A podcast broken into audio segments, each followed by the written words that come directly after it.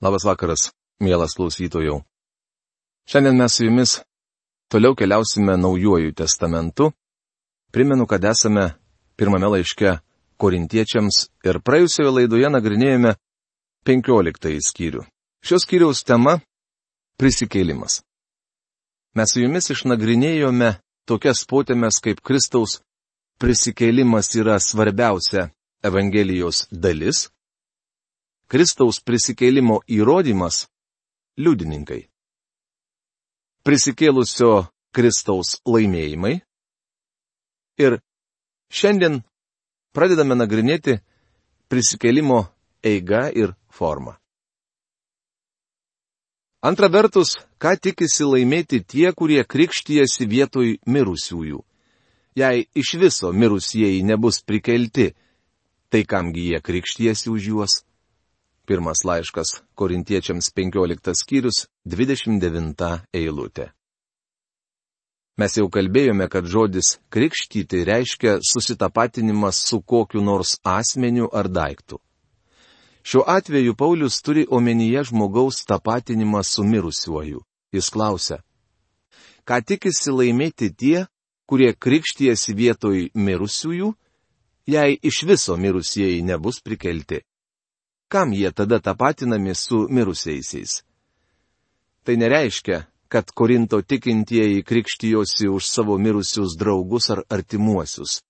Tai reiškia, kad jie buvo pakrikštyti arba sutapatinti su Kristumi Jėzumi, kuris numirė už juos, bet vėliau buvo prikeltas iš numirusių. Jie buvo mirę pasauliui, bet gyvi Kristui. O kodėl ir mes kas valandą nevengiame pavojų? Prisiekiu savo pasididžiavimu jumis, broliai, mūsų viešpatyje Kristuje Jėzuje, jog aš kasdien mirštu. Pirmas laiškas korintiečiams 15 skyrius 30-31 eilutės. Paulius sako, kad jei Kristus nėra prikeltas iš mirusių, tuomet jie kvailiai statydami į pavojų savo gyvybės bet kadangi Kristus yra prikeltas iš mirusių, tikintieji su juo susitapatina. Tikintiesiems Romoje Paulius rašė, argi nežinote, jog mes visi pakrikštytieji Kristuje Jėzuje esame pakrikštyti jo mirtyje. Taigi krikštu mes esame kartu su juo palaidoti mirtyje, kad kaip Jėzus buvo prikeltas iš numirusių tėvo šlovinga gale, taip ir mes pradėtume gyventi atnaujintą gyvenimą. Romiečiams laiško šeštos kiriaus trečia ketvirta eilutės. Mes susijungę su prisikėlusiu, gyvuoju Kristumi. Paulius tikina, jei Kristus nebuvo prikeltas, tuomet esu kvailas, kad aukoju tokias aukas. Mano gyvenimas pavojuje kiekvieną valandą. Man nuolatos grėsia mirtis jei aš grinai kaip žmogus kovojau Efeze su laukiniais žvėrimis, tai kokia man iš to nauda? Jeigu mirusieji nebus prikelti, tai valgykime ir gerkime, nes rytoj mirsime. Pirmas laiškas korintiečiams 15 skyrius 32 eilutė. Paulius klausia, kam man patekti į liūto narvą už savo tikėjimą Kristumi, jeigu Kristus neprisikėlė iš mirusių. Aš esu susitapatinęs, esu pakrikštytas jo mirtyje. Aš susitapatinau su mirusiu žmogumi, nes esu susijungęs su gyvoju Kristumi. Nuostabu būti susitapatinusiam su Kristumi jo mirtyje ir prisikelime. Nesumenkinkite to iki trumpo vandens krikšto tarnavimo, kuris gali būti beprasmis. Jeigu Kristus nebuvo prikeltas ir jei mirusieji neprisikels, tuomet galime laikytis hedonistinės epikūrininkų filosofijos, kuri teigia, valgykime ir gerkime, nes rytoj mirsime. Neapsirikite. Blogos draugijos gadina gerus papročius. Pabuskite, kaip dera iš apsvaigimo ir nebedarykite nuodėmių. Jūsų gėdai pasakysiu, kad kai kurie jūsų visiškai nepažįsta Dievo. Pirmas laiškas korintiečiams 15 skyrius 33-34 eilutės. Korinto tikinčiuosius apgavo tie, kurie abejojo prisikėlimu. Jie klausėsi tų, kurie daug kalbėjo, tačiau nepažino Dievo. Paulius perspėja. Jei korintiečiai klausysis neteisingų kalbų, tai ir elgsis neteisingai. Jis ragina juos liautis nuodėmiauti, nes prisikėlimas įvyks. Gal kas paklaus, kai bus prikelti mirusieji? Su kokiu kūnu jie pasirodys? Pirmas laiškas korintiečiams 15 skyrius 35 eilutė. Paulius atsakys į du klausimus - kaip ir su kokiu kūnu. Žmonės dažnai nemato skirtumo tarp kūno prisikėlimo ir sielos nemirtingumo. Platonas ir Ciceronas ginčijosi dėl sielos nemirtingumo. Paulius įrodinėja kūno prisikėlimą. Sadukėjai neigė bet kokį prisikėlimą ar pomirtinį gyvenimą. Pats Kristus jiems pasakė. O apie mirusiųjų prisikėlimą ar nesate skaitę, kas jums Dievo pasakyta? Aš esu Abromo Dievas, Izaoko Dievas ir Jokūbo Dievas. Jis nemirusiųjų, bet gyvųjų Dievas. Mato Evangelija 22 skyrius 31-32 eilutės. Neigiantiems kūno prisikelimą Paulius aiškino, kad Kristaus kūnas buvo prikeltas. Dabar kyla klausimas. Kaip gali miręs kūnas vėl prisikelti ir būti toks pat? Paulius moko, jog mes iš gamtos suvokiame, kad kūnai nėra identiški. Jie tokie patys, bet neidentiški. Neišmanėli. Ką tu pasėjai, net gimsta, jei prieš tai nenumiršta. Pirmas laiškas korintiečiams 15 skyrius 36 eilutė. Štai jums ir atsakymas į pirmąjį klausimą - kaip. Tiesą sakant, Paulius rašo, jei tik turėtumėte pakankamai proto suvokti, tai suprastumėte, jog pasėtoje sėkloje yra mirtis ir testinumas. Pasėta sėkla išaugins sėklas tokias pačias, kaip ir pasėtoji. Tačiau pati sėkla suirs ir mirs. Taigi išaugusios naujos sėklos nebus ta pati mirusioji sėkla. Jos panašios į aną sėklą, bet ne tos pačios. Pasėtoje sėkloje yra ir suirimas, ir testinumas. Tai paslaptis, tačiau įmanoma. Kas yra mirtis? Mirtis - tai atskirimas. Tai ne dvasios ar asmenybės pabaiga, nes jos nemiršta. Tikrasis jūs nueina pas viešpatį, jei esate Dievo vaikas. Suirsta tik kūnas. Mirtis - tai kūno nuo asmens atskirimas. Kūnas suyra, sunyksta, supūna. Dulkės į dulkes, pelenai į pelenus, tinka tik kalbant apie kūną. Dabar Paulius atsako į antrąjį klausimą. Su kokiu kūnu jie pasirodys? Kad ir ką sėjai, tu sėjai nebūsimą į kūną, bet plika grūdą, sakysime, kviečių ar kitokių javų. Pirmas laiškas korintiečiams 15 skyrius 37 eilutė. Grūdo sėjimas tai pavyzdys.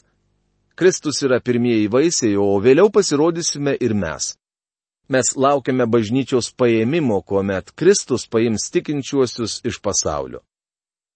Jei bažnyčios paėmimo laiku mes jau būsime mirę, tuomet būsime prikelti.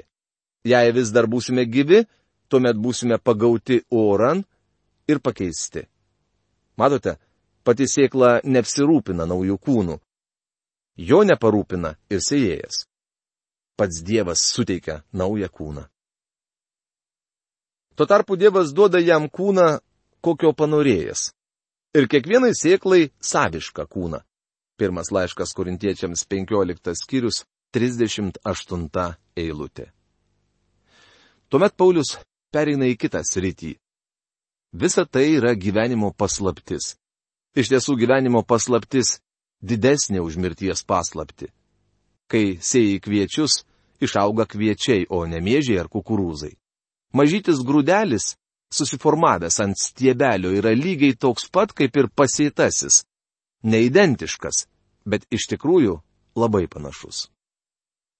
Dabar Paulius nuo botanikos pereina prie zoologijos. Kūnai ne vienodi. Žmogaus kūnas vienoks, gyvulių kitoks. Dar kitoks kūnas paukščių ir vėl kitoks žuvų. Pirmas laiškas korintiečiams 15 skyrius 39 eilutė. Skirtumas tarp mirusio kūno ir prisikėlusio kūno didesnis negu skirtumas tarp žmonių ir gyvulių, žuvų ir paukščių. Paulius tvirtina, jog kūnai skirtingi. Taip pat yra dangaus kūnai ir žemės kūnai, bet vienoks dangaus kūnų spindesys, kitoks žemės kūnų. Vienoks saulės švitėjimas, kitoks menulio blizgesys ir dar kitoks žvaigždžių žėrėjimas. Net ir žvaigždė nuo žvaigždės skiriasi spindėjimu. Pirmas laiškas korintiečiams 15 skyrius 40-41 eilutės. Dabar Paulius perėjo prie astronomijos ir teigia, jog visi Saulės sistemos kūnai yra skirtingi. Saulė nėra ta pati materija kaip ir Mėnulis ar žvaigždės. Net ir žvaigždės skiriasi viena nuo kitos. Yra Saulės sistema ir jos planetos, žvaigždžių sistema ir dangaus šviesuliai. Toks ir mirusiųjų prisikėlimas. Sėjamas gendantis kūnas keliasi negendantis. Pirmas laiškas korintiečiams 15 skyrius 42 eilutė. Matote, Adomui duotas kūnas buvo paklusnus mirčiai.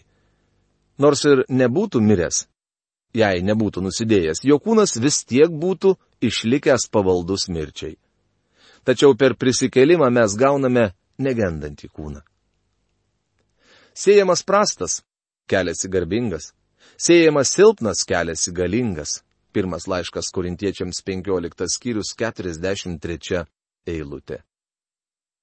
Kartu su naujų kūnu mes gausime šlovę ir apdovanojimus grožį ir jėgą. Sėjamas jūslinis kūnas, keliasi dvasinis kūnas. Jeigu esama jūslinio kūno, tai esama ir dvasinio. Pirmas laiškas korintiečiams 15 skyrius 44 eilutė. Prieš daugelį metų New York'e, tai vyko maždaug 1920-aisiais, kai liberalizmas buvo vadinamas modernizmu, vyko ginčiai, ar prisikėlimas dvasinis dalykas. Netgi šiandien liberalai tvirtina, jog prisikėlimas dvasinis. Jie visiškai netiki kūno prisikėlimu. Labai garsus Čikagos universiteto graikų kalbos specialistas perskaitė straipsnį, aiškinantį šią eilutę ir pabrėžė žodį dvasinis. Mokslininkas užbaigė sakydamas, taigi, broliai, matome, kad prisikėlimas yra dvasinis, nes čia rašoma, jog jis dvasinis. Visi liberalai plojo, o kažkas pasiūlė, jog rankraštį reikia atspausdinti ir išplatinti. Tuomet atsistojo ten dalyvavęs kitas puikus graikų kalbos specialistas. Jam atsistojus, visi liberalai pasijuto šiek tiek nejaukiai, nes jis galėjo paklausti labai keblių klausimų. Taigi jis pasakė, norėčiau užduoti klausimą straipsnio autoriui. Daktarė, tai kasgi stipresnis - daiktavardis ar būdvardis? Labai paprastas klausimas, tačiau norėčiau, kad į jį atsakytumėte. Autorius suprato, kur link viskas krypsta ir nenorėjo nieko atsakyti, tačiau buvo priverstas. Todėl atsakė, na žinoma, kad daiktavardis stipresnis. Taigi, daktarė, esu nustebintas, kad pristatėte šį savo straipsnį. Jūs pabrėžėte būdvardį, o juk stiprusis žodis yra daiktavardis. Dar kartą į tai pažvelkime. Siejamas jūslinis kūnas keliasi dvasinis kūnas. Jis pasakė, vienintelis dalykas, kuris perkeliamas prisikėlime, tai kūnas. Miršta žemiškas kūnas, prikeliamas taip pat kūnas, tačiau dvasinis, kurį valdo dvasia. Tačiau tai vis tiek kūnas. Žinote, to straipsnio taip ir neišspausdinu. Buvo nuspręsta, kad geriau jo nepublikuoti. Leiskite pasakyti, jog paprastas gramatikos pratimėlis atsvėrė žymaus profesoriaus rankraštį ir visus jo pateiktus argumentus. Taip ir parašyta. Pirmasis žmogus Adomas tapo gyva būtybė. Paskutinis Adomas tapo gyvybę teikiančią dvasę. Pirmas laiškas kurintiečiams 15 skyrius 45 eilutė. Matote, pirmasis žmogus Adomas buvo fizinis, graikiškai psuchen ir zosan. Tai reiškia, jog jis buvo fizinis ir psichologinis. Paskutinis Adomas, Kristus, yra dvasinis, pneuma. Arba pneumatinis, jei norite angliško atitikmens. Nedvasinis esti pirmiau, bet jūslinis ir tik paskui dvasinis. Pirmasis žmogus yra iš žemės, žemiškas. Antrasis žmogus iš dangaus. Pirmas laiškas kurintiečiams 15 skyrius 46-47 eilutės. Pirmasis žmogus yra iš žemės ir žemiškas, hoikos, o tai reiškia molis arba, kitaip tariant, šiukšlis. Šiandien tiek daug kalbama apie ekologiją. Tai kasgi taip suniokojo šią žemę? Žmogus. Todėl, kad žmogus yra žemiškas. Viskas, kas lieka nuo žmogaus, yra šiukšlės. Toks jau jis yra. Jis pripildo šiukšlių konteinerius. Tačiau antrasis žmogus yra viešpats iš dangaus koks žemiškasis, tokie ir žemiškieji, o koks dangiškasis, tokie ir dangiškieji. Ir kaip nešiojame žemiškojo atvaizdą, taip nešiosime ir dangiškojo paveikslą. Bet aš jums, broliai, tvirtinu, kūnas ir kraujas nepaveldės Dievo karalystės, ir kas genda, nepaveldės to, kas negenda. Pirmas laiškas korintiečiams 15 skyrius 48-50 eilutės. Mes visi žemiški. Mes esame iš Adomo ir tokia jau mūsų padėtis. Tačiau mes taip pat esame ir Kristuje. Esame susijungę su juo, todėl turime viltį. Prisikelimo amžiname kūne, kuris amžiams pasiliks su Kristumi viltį. Šiandien mes nešiojame žemiškojo atvaizdą, tačiau laukiame tos dienos, kai nešiosime dangiškojo paveikslą. Kūnas ir kraujas negali paveldėti Dievo karalystės. Senieji mūsų kūnai nepateks į dangų. Ir aš to džiaugiuosi. Norėčiau savo jį atiduoti. Dievas nesiūs šitų kūnų į remonto dirbtuvę. Tai, kas genda, negali paveldėti to, kas negenda. Šis kūnas turi būti pasėtas į žemę kaip sėkla. Jis išauks į naują kūną, naują padangtę, kurioje gyvensime. Ji nebus identiška senajam kūnui, tačiau bus į jį panaši. Vakarų pakrantėje daug ateistų nori, kad po mirties jų pelenus išbarstytų virš ramiojo vandenino. Kitaip tariant, jie meta iššūkį Dievui, kad jis vėl sujungtų tuos atomus. Mūsų kūnai sudaryti iš keleto cheminių elementų. Didžiąją kūno dalį sudaro vanduo, vandenilis bei deguonis su kitais atomais, kurie su juo susijungia. Ar manote, jog Dievas negali šių atomų sujungti? O galbūt jis nori panaudoti atomus? Galų gale visi vandenilio atomai labai panašus. Man jokio skirtumo, jei jis mano naują kūną padarytų iš naujų atomų. Kokia nesąmonė dėl to nuvertinti prisikėlimą. Tačiau vienas iš didžiausių argumentų prieš prisikėlimo galimybę yra tas, jog Dievas negalės iš naujo surinkti atomų. Mano draugė, Kadangi jis sukūrė kūną, jis gali padaryti ir kitą tokį kūną. Jisgi Dievas ar ne? Dievas vėl surinks tavo kūną, ar jis gulėtų kape, ar būtų išbarstytas pelenais vandenyne. Pirmoji erezija bažnyčioje buvo kūno prisikelimo paneigimas. Mes skaitome, kaip Paulius parodė tiesą apie prisikelimą. Jis prabilo prieš tris pagrindinės jo dienų filosofijas Stoicizmas tvirtino, jog mirties valanda siela susilieja su dievybė ir asmenybė pražūna.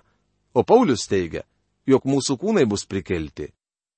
Epikurizmas dėstė, jog nėra jokio pomirtinio gyvenimo. O Paulius sako, jog Jėzus Kristus buvo prikeltas iš mirusiųjų ir mūsų kūnai taip pat prisikels. Platonizmas tikėjo sielos nemirtingumu, tačiau neigė kūno prisikelimą. Paulius tvirtina, kad mūsų fiziniai kūnai bus atgaivinti kaip dvasiniai kūnai. Prisikelimo jėga. Štai aš jums atskleidžiu paslaptį. Nors mes ne visi užmiksime, bet visi būsime pakeisti. Pirmas laiškas korintiečiams 15 skyrius 51 eilutė. Kas yra paslaptis? Mes jau keletą kartų apie tai kalbėjome. Paslaptis yra tai, kas nebuvo atskleista Senajame testamente, bet dabar apreikšta Naujajame testamente. Tai kažkas, ko negali pamatyti arba išgirsti. Tai neteina žmogui į galvą, nedaug kas gali apie tai pagalvoti. Tai faktas, kurį turi apreikšti Dievas. Štai aš jums atskleidžiu paslaptį, mes ne visi užmiksime. Mes ne visi peržengsime mirties lengsti. Bet visi būsime pakeisti. Ar mirsite ar ne, vis tiek turėsite būti pakeistas, mano draugė. Kartais girdime žmonės sakant, viliuosi, kad Kristaus ateimo metu būsiu gyvas, todėl galėsiu paprasčiausiai patekti pas jį. Tačiau prieš kuriam nors iš mūsų patenkant pas jį, turėsime būti pakeisti. Staiga, vieną akimirką gaudžiant paskutiniam trimitui, trimitas nuaidės ir mirusieji bus prikelti jau negendantys, ir mes būsime pakeisti. Pirmas laiškas kurintiečiams 15 skyrius 52 eilutė. Staiga, per mažiausią laiko dalelytę. Šis žodis yra en atomo, iš kurio kilė žodis atomas. Mokslininkai padarė didelę klaidą pavadinę tą mažą daikčiuką atomu.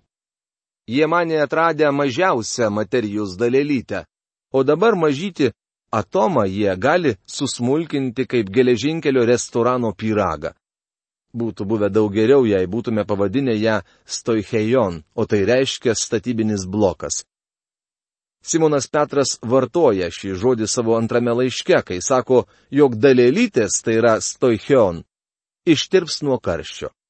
O jis net nebuvo mokslininkas, tik paprasčiausias žvėjys. Tačiau Dievo dvasia šitą išmanė apie mokslą. Mes visi būsime pakeisti per vieną akimirką. Kiek jį trunka? Ar akimirka yra, kai vokas nusileidžia, ar kai pakyla, ar kai nusileidžia ir pakyla? Na tai paprasčiausiai reiškia labai greitai, per sekundės dalelytę. Net nebus laiko ištarti, štai jis ateina arba jis jau čia. Gaudžiant paskutiniam trimitui, ką tai reiškia? Tai paskutinis jo kvietimas. Trimitas tai jo balsas. Jonas apreiškimo knygoje rašo, aš turėjau dvasios pagavą viešpaties dieną ir išgirdau savo už nugaros galingą balsą tarsi trimitą, o kai jis atsigrėžė pažiūrėti balso, pamatė Kristų. Skaitykite prieškimo knygos pirmos skyriaus 10-13 eilutes. Taigi paskutinis trimitas tai viešpatės Jėzaus balsas. Per savo paskutinį įkvietimą žmonijai jis pašauks mirusiuosius gyventi. Jis sušuko, Lozoriau išeik. Jono Evangelijos 11 skyriaus 43 eilutė.